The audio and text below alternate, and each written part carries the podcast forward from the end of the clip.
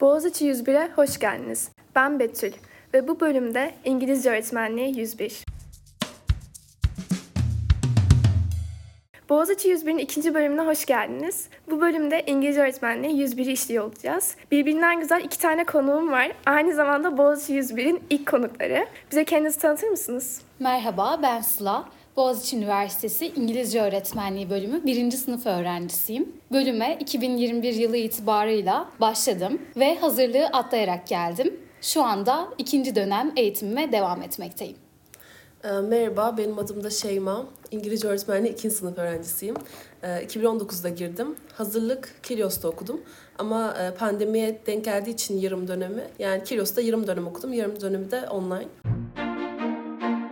Bölüm hakkında veya okul hakkında beklentileriniz nelerdi ve bu beklentileriniz karşılandı mı? Ee, bölüme gelmeden önce öğretmenlik derslerinin nasıl verildiğine dair pek bir fikrim yoktu. Fakat bölüme geldikten sonra zamanın derslerde nasıl verimli kullanıldığını, bir öğretmenin nasıl yetiştirilebileceğini gördüm Ee, ve bunu interaktif bir şekilde sınıf içi etkinliklerimizle işlemekteyiz.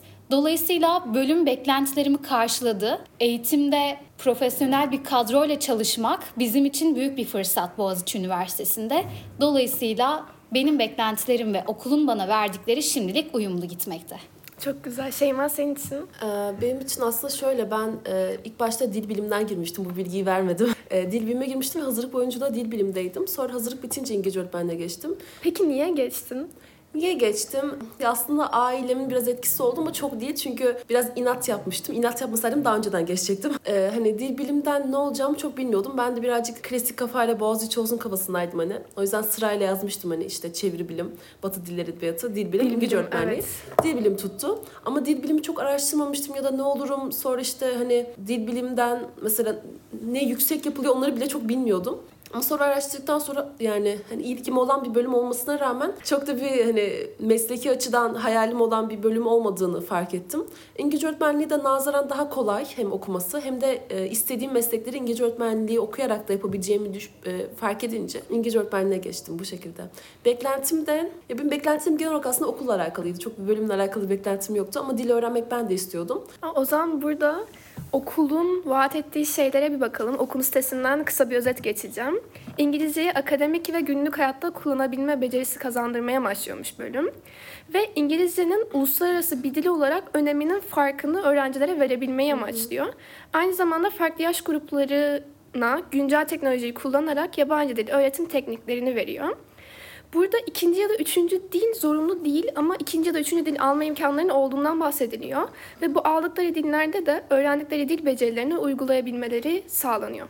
Peki burada ikinci ve üçüncü dil alma imkanı olduğundan bahsediliyor ama bizim mesela ben çeviri bilimi okuyorum. İkinci dil zorunlu bizde. Ama biz bile çok zor alıyoruz, konsentle alıyoruz. Sizin bölüm için bu durum nasıl? Hepimizin de bildiği gibi programı kendisi oluşturabiliyor. Öğrencilerimiz kendilerine uygun programı oluşturabiliyorlar. Fakat ne yazık ki e, özellikle bizim bölüm için herhangi bir dil zorunlu olarak verilmemekte. İleri sınıflarda Türkçe dersleri ya da dil bilincinin, dil e, öğreniminin farkındalığı ve iki dillilik gibi dersler var. Fakat yabancı dil dersleri seçmeli dil kategorisinde yer almakta ve bunlar her öğrenci tarafından ne yazık ki alınamıyor. Çünkü dersler kotaya sahip ve herkes de bu imkandan faydalanamıyor. Dolayısıyla bu aslında bir dezavantaja dönüşüyor. Evet e, aslında ben geçen dönem Arapça almıştım bunu söyleyeyim. Ama Arapça alması çok kolay yani eğer Arapça öğrenmek istiyorsanız direkt veriyor hoca konsent. E, Çünkü tercih eden çok fazla insan yok. E, Ve Türk Dilleri Edebiyatı veriyor sanırım o şey. Evet, Arapça almayı ben de düşünüyorum. 101 Evet. mi almıştın? Evet 101 aldım. Eğitimi nasıldı peki? Eğitim nasıldı ya? Birazcık benimle alakalı bir durum olarak ben çok öğrenemedim. E, çünkü e, tam hoca anlatıyor mu senin de e, arka planda çok fazla çalışman gerekiyor. Çünkü Evet. çok fazla ezber var. Ki Arapça evet, Evet zor yani bir dil. çok zormuş. Yani İngilizceye ben şükür ettim. Gerçekten İngilizce çok kolay bir dil. Yani güzel geçti ama e, şu an 102'sini almayı düşünmüyorum. 102 değil gerçi 201 koduyla var sanırım diğer ders. Arapça alınabiliyor mu? Diğerleri evet hem kota sorunu var hem de dil dersleri genelde haftada 6 ders oluyor benim bildiğim. Evet. O yüzden mutlaka bir dersinde çakışıyor yani. Ben böyle teker teker section'lara bakıp hangisi dersime çakışmıyor diye böyle bulmaya çalışıyordum. öyle şey yapınca da yani hem e, kapılıyor hem de çakışma oluyor. O yüzden alınmıyor muhtemelen. Yani büyük Ki dediğim oranda. gibi genelde İspanyolca, Fransızca, Almanca, Japonca gibi bu dört dil dersi çeviri bilimi açıldığı için Evet. ya çeviri bilimin öğrencileri de fazla olduğu için bize bile kota kalmayabiliyor. Alması bizim için de bayağı zor oluyor. Şimdi derslere bir genel bakalım. Birinci sınıf dersleri genel olarak filet ve eyle gibi derslerden oluşmakta. Peki bunlar nedir? Filet derslerimiz yabancı dil eğitimi bölümünün ana dersleri, alan Bu dersleridir. arada bölümün kodunda FLED olduğunu söyleyelim. evet. Önceki bölümde söylememiştim. Çeviri biliminde TR, TR ve e, Bunu ben bilmiyordum. sözlü çevire geçildiği zaman INT oluyor. Interpreting'den geliyor. Aslında bölümümüzün İngilizce öğretmenliği olarak değil, genel adıyla yabancı dil eğitimi olarak e, bilindiğini söyleyebiliriz. Okulumuzda da bu başlık altında açılmakta. Birinci sınıf derslerimiz genel olarak İngilizce iletişim yetisinin geliştirilmesine, akademik yazının nasıl yazılacağına ve eleştirel düşünceyle yazmaya yönelik. Aynı zamanda sınıf içi sunumlar ve oral speech dediğimiz haftalık sözlü konuşmaları da dayalı. Ee, ikinci sınıf için de aslında yani çok bir farkı olmuyor. Genelde filet dersleri var. Bir de e, TK dersleri oluyor ikinci sınıfta. Ama TK'ları da almak dil dersleri gibi çok zor oluyor. Ben mesela birinci dönem TK dersimi alamadım. Çünkü hem e, çok fazla section olmasına rağmen bir 30-40 mı ne section vardı. Yine de e, edebiyat dışında tüm bölümler aldığı için direkt kota doluyor. Ee, TK muhtemelen diğer üniversitelerde de zorunlu olarak verilen ders. Ee, konu olarak da hani işte makale okuyoruz. Ee, kitap falan, roman falan okutuyorlar. Bunların üzerine derslerde böyle tartışmalar dönüyor. Aslında çok zevkli bir Yani Türkçe dersi. Evet ve hani derslerin hepsi İngilizce olduğu için TK olması böyle birazcık ferahlatıyor insanı böyle bir Türkçe duymak. Güzel bir ders o yüzden. Çeviri bilim ve Türk dili edebiyatı dışındakiler alıyor tüm e, şeylere, zorunlu bölümlere. Peki bu iki bölüme niye verilmiyor? Bence çeviri bilimde bizim çevirmenler için Türkçe diye bir dersimiz var. O olduğu için verilmiyor olabilir. Olabilir. Ama Türk dili ve edebiyatını bilmiyorum. Türk dili ve edebiyatında da bir sürü Türkçe ders var. Muhtemelen ondandır. Bayağı bir var. De TK olması bence saçma çünkü bizde şey çok fazla öğrenci var. Yabancı çok fazla öğrenci var. Onlar TK'da ne yapacaklar bilmiyorum. Evet. Çünkü dersler Onların- Türkçe işleniyor. Onların tek alması zorunlu mu? Gerekiyor mu? Bilmiyorum ki çünkü yani müfredatta var. Yani bilmiyorum belki de şey yapabiliyorlardır. Bilmiyorum. Onun yerine başka bir ders belki alabiliyorlardır. Onun dışında et dersinde de, ama et dersi kota yüzünden değil e, şansımızda hoca kaza geçirmişti. Bacağını kırmış mı ne yapmış. O yüzden birinci dönem o da düştü. Bir tane filet dersim, bölüm dersim onu da alamadım. E, onda yine kota sorunu oldu. E, şimdi öyle olunca ben ikinci dönemden bir dersim birinci dö- dönem aldım. Bu dersimi de şu an alıyorum. Yani böyle çok aslında müfredata uygun gidilmiyor. Evet genelde da dediği gibi öğrenciler kendi programını ayarladığı için Evet. e, üstten alttan ders alma durumu veya sonraki dönemden önceki dönemden ders alma durumları olabiliyor. O yüzden sitedeki programlara hani da böyle yüzü aynen çok da takılmayın. Peki 3. 4. sınıfta genel olarak neler var? Genellikle 3. sınıfta okul öncesi eğitimi programından da dersler mevcut. Erken çocukluk döneminde iki dillilik ve iki dilli eğitim gibi derslerimiz olacak. Aynı zamanda dramanın eğitimde kullanımına dair Filet 314 kodlu bir drama dersimiz de var. Bu aslında seçmeli bir ders fakat istediğiniz sene, istediğiniz herhangi bir dönemde kota sınırı olmaksızın bu dersi alabilirsiniz. Hocanızın da rızasıyla tabii ki. Ve dördüncü sınıfta staj programlarımız başlıyor. Ee, herhangi bir okulda tabii ki bu sizin GPA dediğimiz genel ortalamanıza bağlı olarak değişen bir şey. Yani ortalamanız yüksekse sizi daha iyi bir devlet okuluna ya da özel okula staj için gönderebiliyorlar. Ee, fakat dediğim gibi değişkenlik gösteriyor. Yine de dördüncü sınıf derslerimiz genellikle staja ve okul deneyimine yönelik. Bu son söylediğim ben bilmiyordum bu arada şaşırdım GPA ile alakalı oldu. Ben şey biliyordum. Öğrenciler gidiyorlar kendileri başvuruyorlar okullara. Okullarda dönüş, dönüş sağlıyor diye biliyordum ama olabilir. Evet. Bir tane özel bir tane de devletti mi? Ben yine o şekilde sanki duymuştum. Ya özel ya devlet. İki dönem alınıyor ya bir Ha. tanesi özel bir tanesi devlet değil Onu mi? tam bilmiyorum. Peki şimdi ders yoğunluğuna geçelim. Ödev yoğunluğu nasıl buluyorsunuz? Birinci sınıf için genel olarak şu şekilde. Haftalık olarak assignment, essay dediğimiz akademik yazılar yazmaktayız. Ve sınavlarımız midterm ve final olarak değil, e, dönem boyunca yazdığımız 8 assignment'tan yani 8 yazılı ödevden oluşmakta. Aynı zamanda sınıf içi sunumlarımız olduğu için bunlar da nota katkı sağlamakta. Dolayısıyla yazılı bir midterm yani vize ve final sınavlarımız yok. Yani sürekli ödev yapıyorsunuz dönem boyunca. Evet. İkinci sınıfta nasıl durum? Ee, ya derse göre aslında gerçekten değişiyor. Mesela bir tane dersimiz var. Daha dün sınavına girdim. O direkt midterm ve final yani direkt düz. Ama başka bir tane dersimiz var.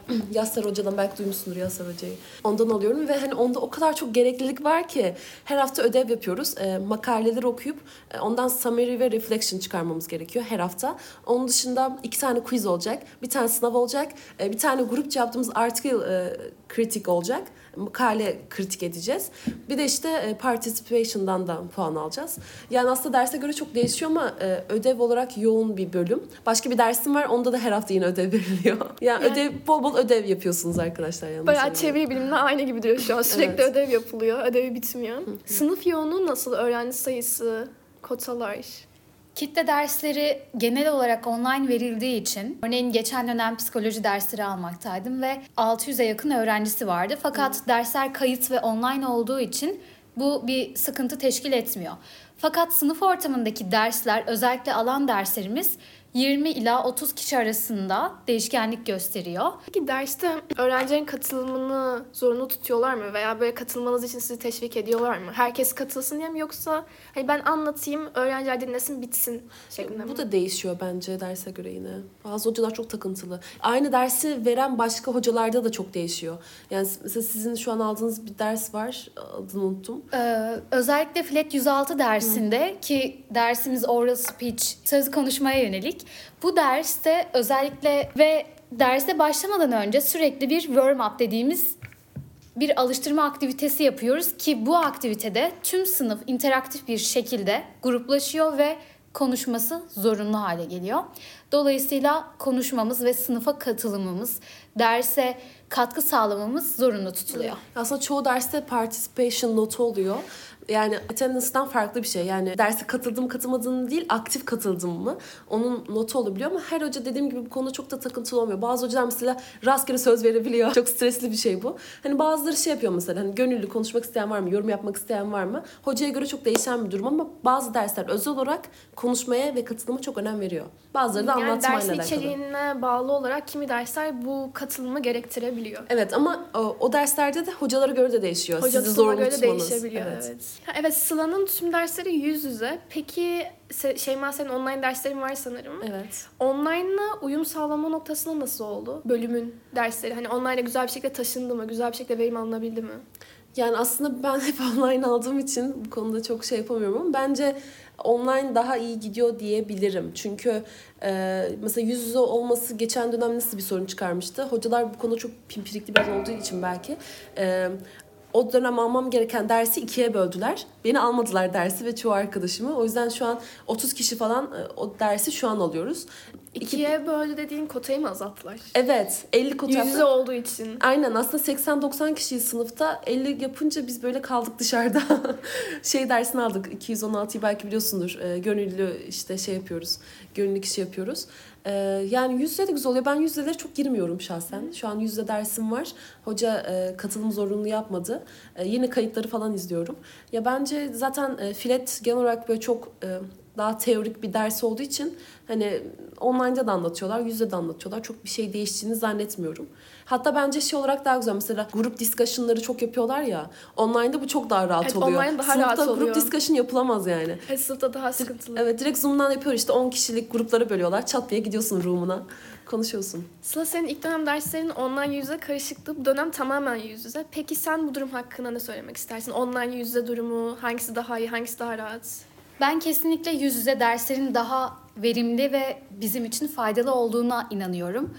Çünkü özellikle filet alan derslerimizde sınıf içi etkileşim, arkadaşlarımızla aramızdaki iletişim bizim için çok önemli. Aynı zamanda hocamızın bizi yüz yüze görüp bizi ona göre değerlendirmesi bizim için çok önemli, hayati bir boyutu var bunun. Tabii şey oluyor. Online'da girince böyle 5-6 kişiyi görüyorsun ekranda aynı anda. Sınıfın kalanını hiç bilmiyorsun. Yüze bir Evet. görüyorsun bu benim sınıfta mıydı oluyor. Evet, Ama yaşadım. şey de oluyor. Online'da herkesin ismi yazdığı için ve yüzü belli olduğu için yüzde de maske takıyorsun ve isim yazmıyor. Online'da isimler daha kolay öğreniliyor. Hatta şey Evet. oluyor. insanın ismi ve soy ismiyle öğreniyorsun. Yüzde görünce direkt ismini soy ismini söylüyorsun. Evet evet. Online'da öyle bir avantajı oluyor. Evet. E, fakat yüz yüze eğitim aslında bizim ileride yapacağımız bir şey olacağı için bence en iyisi bu şekilde. Çünkü öğretmenler ve öğrenciler birbirleriyle konuşuyorlar, etkileşim halindeler ve e, birbirleriyle aslında empati kuruyorlar. Aralarında güzel bir iletişim gerçekleşiyor. Dolayısıyla bu bize bir örnek teşkil ediyor yapacağımız meslek için. Tabii ki online eğitimin de faydaları var fakat bu hocadan hocaya değişiklik gösteriyor. Çünkü teknolojiyi kullanma noktasında hepsi aynı bilgiye ve imkana sahip değiller. Dolayısıyla yüz yüze eğitimin daha iyi olduğunu düşünüyorum. Peki hocalarınız genelde yabancı mı? Yok genelde değil ya. Ya Birkaç tane ağırlıklı var. olarak nasıl? Bence Türk ağırlıklı olarak. Benim sadece Filet 106 dersinin hocası yabancı. Fakat geriye kalan derslerimin hocaları tamamen Türk. Benim de 218 Yasser Hoca var. İranlı bir hoca. Ee, çok disiplinli bir hoca ama yani aksanı çok güzel ya. İngilizceyi çok güzel konuşuyor. Çok haz alıyorum o adam konuşunca. Bir tek o var bende. Peki EF'ye bir tepki var mı üniversitede? Çok duyulan bir Bence şey. azaldı bu arada önceki senelere göre. Ben ya çok duymuyorum. Eskiden bayağı sanırım ilk açıldığında herhalde şu an hukuk falan açılacak diyorlar ya. Şu anda da bayağı bir tepki var. Evet. O zaman sanırım ilk açılacağı zaman böyle gören insanlar e, olan düzeni bozulmasına karşı bir tepkileri var ama şu an alıştığı için hani çoğu insana zaten öğretmen okuyan arkadaşı var yani. Buna da çok sanırım şey yapamıyorlar o yüzden. Evet ben de bununla çok karşılaşmadım. Gelmeden önce hep diyorlardı Evet. EF'ye bir tepki var, bir tepki var. Farklı bölümlerden arkadaşlarım var ve hiçbir şekilde böyle bir tepki, ön yargı hiçbir şey duymadım. Ya aslında içlerinde biraz yaşıyorlar bence. Ben geçen Boğaziçi itiraf ediyor şey var ya. Orada bir post atılmıştı. Onun altında böyle e, genel olarak EF'lere karşı böyle bir dalga geçilme durumu görmüştüm. Hani çoğu insan da beğenmiş falan. Ama yani bunu direkt böyle hani protesto gibi ya da ciddiye almıyorlar. Hani sadece kafalarında böyle Şakası. ha şakasına dalga geçiyorlar Dalgasına. işte. Aynen. Bu arada İngilizce öğretmenliği EF'ye 82 yılında katılmış. Evet. Ve hatta sanırım EF'nin en yüksek puanlı bölümü mü? Doğru. Üniversitemizin eğitim fakültesi bünyesinde 9 farklı öğretmenlik alanı mevcut. En yüksek puana sahip öğretmenlik İngilizce öğretmenliği. 2021 yılında bölümümüze giren son öğrencinin sıralaması 3545 idi. Evet ve kontenjanla 90 artı 3, 93. Atamalardan bahsedelim. Öğretmenlik okuyorum denince muhtemelen gelen sorulardan birisidir bu. Atamalar çok az oluyor. Bu bölümün bir garantisi yani okuyacaksınız ve atanabilecek misiniz? Bu tarz sorular geliyor mu? Nasıl cevaplıyorsunuz? Ne düşünüyorsunuz? Öğretmenlik atamaları yıllardan yıllara göre değişiklik göstermekte. Fakat bizim İngilizce öğretmenliği bölümümüz ataması okul öncesi öğretmenliği ve ilk öğretim matematik öğretmenliğinden sonra üçüncü olarak en fazla atama yapan öğretmenlik alanı. Dolayısıyla KPSS sınavında 70 ila 80 arasında bir not almanız durumunda atamada bir sıkıntı yaşamıyoruz aslında ve atamalarımız da genellikle sayıca fazla oluyor. Yıllardan yıllara göre bir farklılık oluyor. Fakat Boğaziçi Üniversitesi'nde okuduğumuz için bu bizim için farklı bir imkan sunuyor aslında. Çünkü gerek e, özel okullarda ya da dershanelerde gerekse e, üniversitelerde okutmanlık olarak da göreve başlayabiliyoruz. O zaman bu sorumu Şeyma'ya sorayım. Ee, özel mi devlet mi? Okulun bu yönde bir yönlendirmesi oluyor mu veya kişisel bir tercihin var mı? Hangisi daha iyi? Ee, ben devleti tercih ederim. Çünkü özel benim bildiğim e, yani çok daha geçen bununla alakalı bir şey okumuştum. Yani nasıl desem garantisi yok yani sana nasıl davranacaklarına dair. Zaten verdikleri maaş da devlete nazaran çok daha düşük oluyor. Yani devleti kesinlikle tercih ederim ama e, şeyi de söyleyecektim. Zaten bizim bölümde okuyanların %90'ı öğretmenlik düşünmüyor yani. Öyle bir şey yok. Öğretmenlik çünkü hani Boğaziçi'nde okuduk öğretmen mi olacağız? Çünkü sonuçta diğer üniversitelerde öğretmenlik okuyanlar da sonuçta aynı oluyor ya seninle. Yani Evet. bunu çok istemiyorlar. Genelde akademisyenlik düşünen çok fazla insan var benim karşılaştığım konuştum. Akademisyenlik istiyorlar. Onun dışında belki çevirmenlik yapmayı da düşünenler olabilir. Yani öğretmenlik düşünen çok az insan var. Ama ben istiyorum ve devlette istiyorum. Ki sanırım eğitimde daha çok akademisyenle yönelik Evet. Evet kesinlikle. Daha akademisyen yetiştirmeye yönelik. Peki bölümün zorluğu ne sizce? Birinci sınıfta genel olarak ödev yapmaya yönelik olduğu için ve sınıf içi sunumlarımız bulunduğu için pek bir zorluğu olduğunu düşünmüyorum. Ama e, alan derslerimizin yanı sıra edebiyat ve linguistics dediğimiz dil bilimi fakültelerinden de e, dersler aldığımız için onların zorluğu farklı oluyor. Evet, Ben daha kişisel bir şey söyleyeyim. Eğer böyle biraz daha nasıl desem çekingen, utangaç, asosyalsen yani bu bölüm seni zorlayabilir. Çünkü çok fazla gerçekten sunum var. Online'da belki böyledir. Yüz yüze de nasıl bilmiyorum ama online'da çok fazla şey de vardı. Yani böyle işte seni gruplara atıyor böyle tartışacaksın ya. Tartışmak zorundasın. Hiç Sonra işte- bilmediğin kişilerle ve sürekli Evet. yeni yeni konular. Yani seni zorluyor böyle sosyal oluyor. Sosyal olmak zorundasın Konuşmak yani. zorundasın evet. diye. Mesela bir tane dersimiz vardı geçen dönem hiç kodunu unuttum. Ee, ders boyunca sanırım yani dönem boyunca 3-4 tane sunum yaptık. Yani bunlar biraz seni zorlayabiliyor eğer çekingen, utangaç bir insansan ama onun dışında bence bölüm zor değil. Yani bunu söyleyeyim. Okuması kolay bir bölüm. Ee, Dersler şey e, ödevler falan birazcık zorlayabiliyor ama yani çok da yapılmayacak gibi ödevler de değil. Eğer İngilizce biliyorsan yapıyorsun yani sonuçta matematik konusu gibi değil anlaman gerekmiyor. İngilizce bilirsen okuyorsun ve anlıyorsun yani o tarz konular olduğu için bence kolay yani okuması bu kadar. Evet dediğin gibi fen bilimleri bölümlerinden farklı olarak, sayısal bölümlerden farklı olarak bir teoriyi öğrenme olmuyor. Daha çok yeni bir bilgiyi işte özümseme ve onun Evet. hakkında bir şeyler okuyup kendini geliştirme, kültürel anlamda geliştirme oluyor. O da aslında daha çok yoran bir şey bence. Çünkü tamamen sana bağlı. Öbür türlü teoride direkt öğrenip geçsen yetiyor. Evet. Bir de bu şey de çekingen insanlar için zor olabilir dediğinde Korkutmayayım bu arada. Korkutma evet çünkü e, ben de çekingen bir insanım ve çeviri bilime gelmeden önce de öyle diyorlar. Çok fazla katılmanız gerekiyor diye. Anlattığınız birçok şeyden de bizim bölüme çok benzer olduklarını çıkardım. Ya ben de çok çekingenim ama böyle derslerde konuşmanızı sürekli talep ettikleri için bir şekilde alışıyorsunuz ve konuşmaya başlıyorsunuz. Sizin de böyle açılmanız açısından Evet. daha iyi oluyor aslında. Ya ben mesela açıldım ben de e, eskiden biraz daha şeydim. Ya böyle sunum yapma falan korkunç gelirdi sınıf önünde. Ama şu an yani hiç umursamıyorum mesela. Ama diyorsanız ben zor yoldan öğrenmek istemiyorum. Kendim gelişeyim. O zaman birazcık korkabilirsiniz arkadaşlar ama yine de gelin. Evet yine de gelin. Peki terminolojiye geçelim. Bu bölüme girmeden önce belki de hiç duymadıkları veya bu alanla ilişkilendirmedikleri terimler ama sizin sürekli karşılaştığınız ve artık yeter dediğiniz terimlere bakacağız. Aklınıza neler geliyor? Özellikle sınıfta sunumlar yaparken dikkat etmemiz gereken bazı noktalar var. Eye contact dediğimiz göz teması. Bizi dinleyen insanlar ve öğrencilerimizle sürekli göz teması halinde olmalıyız ki etkileşimi rahat gerçekleştirelim. Aynı zamanda inflection dediğimiz ses tonumuzu ayarlama olayı var. Buna da çok dikkat ediyor hocalarımız sunum yaparken. Çünkü dikkat çekmek ve ilgiyi toplayabilmek için sesimizin nasıl kullanıldığı bizim için çok önemli. Genel olarak bunlar. Birkaç tane adam var bunları söyleyecektim. Noam Chomsky var, Skinner var, Pinker var bir de P- Piaget. Piaget. Ha Piaget. İşte bunlar psikolojide ve çeviri bilimde de çok çıkıyor. Chomsky'den özellikle ya o kadar sıkıldım ki Chomsky, Chomsky, Chomsky. Universal Grammar'da değil mi? Universal Grammar var aynen. Ondan sonra işte innate capacity, işte e, çocuklar işte dili öğrenirken işte behaviorist mi işte e, taklit mi ederler yoksa kendileri içlerinde bir doğuştan gelen bir kapasite mi var? Yani bunu neredeyse her derste gördük artık Chomsky yeter. hangisini savunuyor? Efendim? Chomsky hangisini Chomsky diyor ki innate kapasitemiz var diyor. Yani doğuştan gelen bir yetenekleri var çocukların o şekilde öğreniyorlar. Ee, işte behavioristler var. Onlar da diyorlar ki hayır gördüklerini taklit ediyorlar bir şekilde öğreniyorlar. Bu şey ama sıkıldım yani. Sanırım dille ilgili de bölümlerin hepsinde çıkıyor. Psikolojide de çıkıyor. Dille ilgili değil ama dil e, ünitesinde de çıkıyor. Son soru belki de en önemli soru. İsteyerek mi geldiniz? Memnun musunuz? Ve arkadaş ortamına da ufaktan değinirseniz çok güzel olur. Çocukluğumdan beri ideal meslek seçimim kesinlikle öğretmenlikti. Dolayısıyla bölüme tabii ki de isteyerek geldim. Tüm tercihlerim öğretmenliklerden oluşmaktaydı. Tabii ki de diğer üniversitelerde farklı bölümler tutmaktaydı fakat ben öğretmenliği sevdiğim ve kendimle bütünleştirdiğim için öğretmenlik yazmayı tercih ettim.